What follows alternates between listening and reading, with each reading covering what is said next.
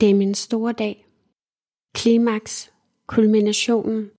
I over et år har jeg knoklet dag og nat. Vi har booket Bella Sky. Det er en festdag. Sexisme i Dansk Akademia. Et initiativ, som blev til en bog.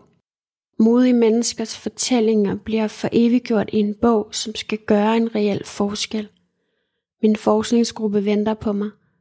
Det er min boglancering, og jeg kommer ikke. Jeg vender faktisk aldrig tilbage igen. Jeg er færdig med at være feministisk forsker. Jeg kommer ikke, fordi det er gået op for mig, at feminisme for mig var et ubevidst forsøg på at fjerne smerten indeni, sætte plaster på min sorg og flygte fra mine traumer. Men før jeg går i gang med min historie, vil jeg introducere mig selv. Hej og velkommen til. Mit navn er Nova, men det har ikke altid været mit navn. I 2020 vendte jeg op og ned på mit liv. Skiftede job, skiftede navn, og jeg forlod byen og flyttede ud i skoven for at hele mig selv. Mit liv inden da var præget af stofmisbrug, stress, angst, dysfunktionelle relationer og mænd, som ikke elskede mig. Og samtidig var jeg en succesfuld forsker ansat på CBS. Mit ydre passede ikke med mit indre. Jeg lod som om mit liv var godt på overfladen, og i virkeligheden var jeg på flugt væk fra traumerne. Jeg havde succes udadtil, men indeni var jeg slået i stykker. Og traumerne indhentede mig. De indhentede mig, da min karriere nåede sit højdepunkt. Et par dage før min boglancering går det op for mig, at jeg er feminist, fordi jeg har traumer. Og uanset hvor meget jeg kæmper for forandring, leger politibetjent og fortæller folk, hvad de må sige og gøre og ikke sige og gøre.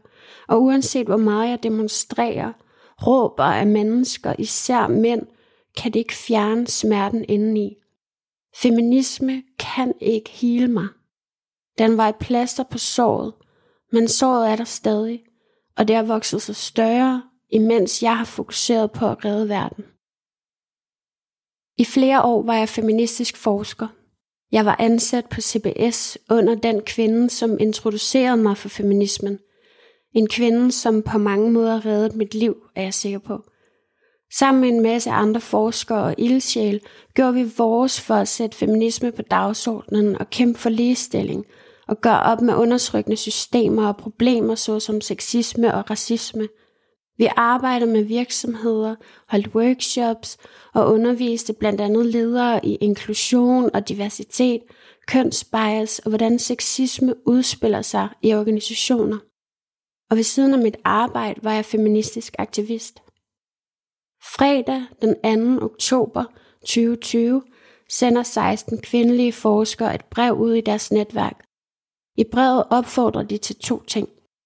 At skrive under, hvis man har oplevet sexistisk adfærd i den akademiske verden, enten på egen krop eller over for andre. Og to, at dele anonyme eksempler på, hvordan den sexistiske adfærd er kommet til udtryk.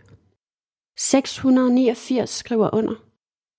771 vidnesbyrd indsamlet.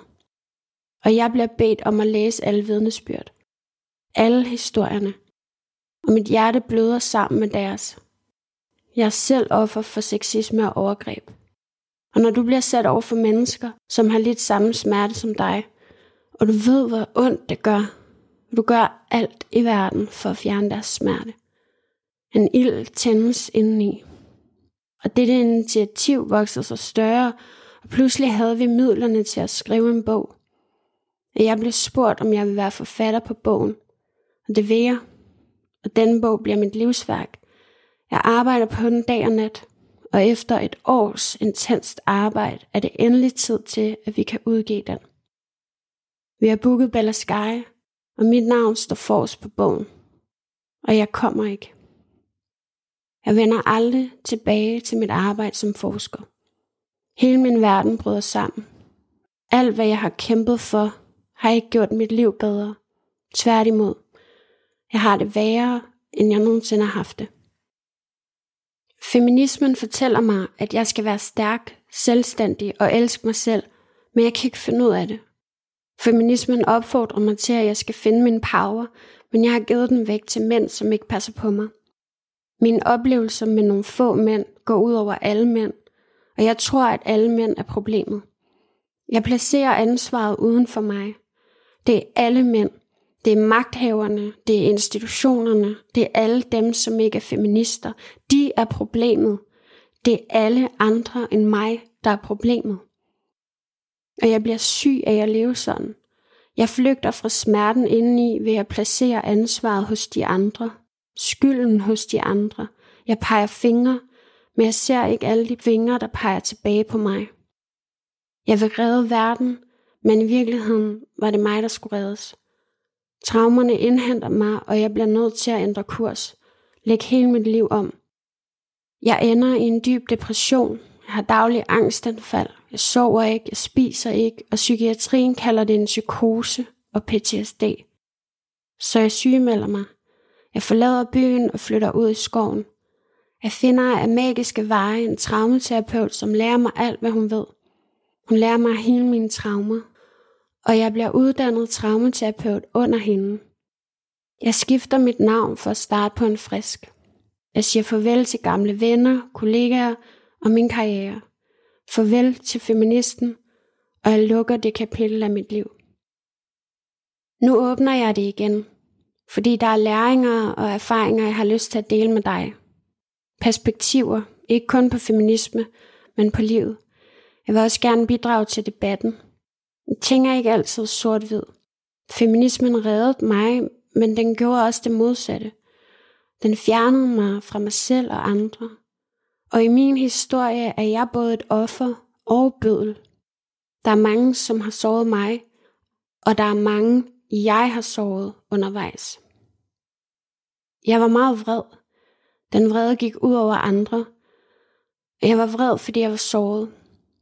Der er mange, som ikke kunne forstå mig dengang, forstå min vrede. Hvorfor er du så sur, spurgte de. Men jeg ville ønske, at nogen havde spurgt mig, hvem har såret dig? For det var det, jeg var. Jeg var såret, og jeg lod min sorg bløde ud over andre. Det gør de, når vi ikke tager hånd om dem. Så bløder vi ud over dem, som er uskyldige. Jeg tror på, at historier kan forandre os. Og her får du min. Tak fordi du lytter med.